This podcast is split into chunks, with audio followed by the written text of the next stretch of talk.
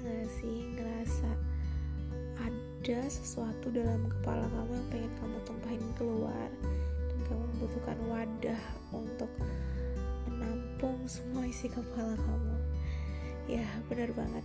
Di sini aku ingin menumpahkan semua perkara kata dan juga pikiran yang terlintas dalam benak aku. Dan juga aku akan menumpahkan tanggapan perasaan aku terhadap story fiksi yang ke depannya akan aku buat.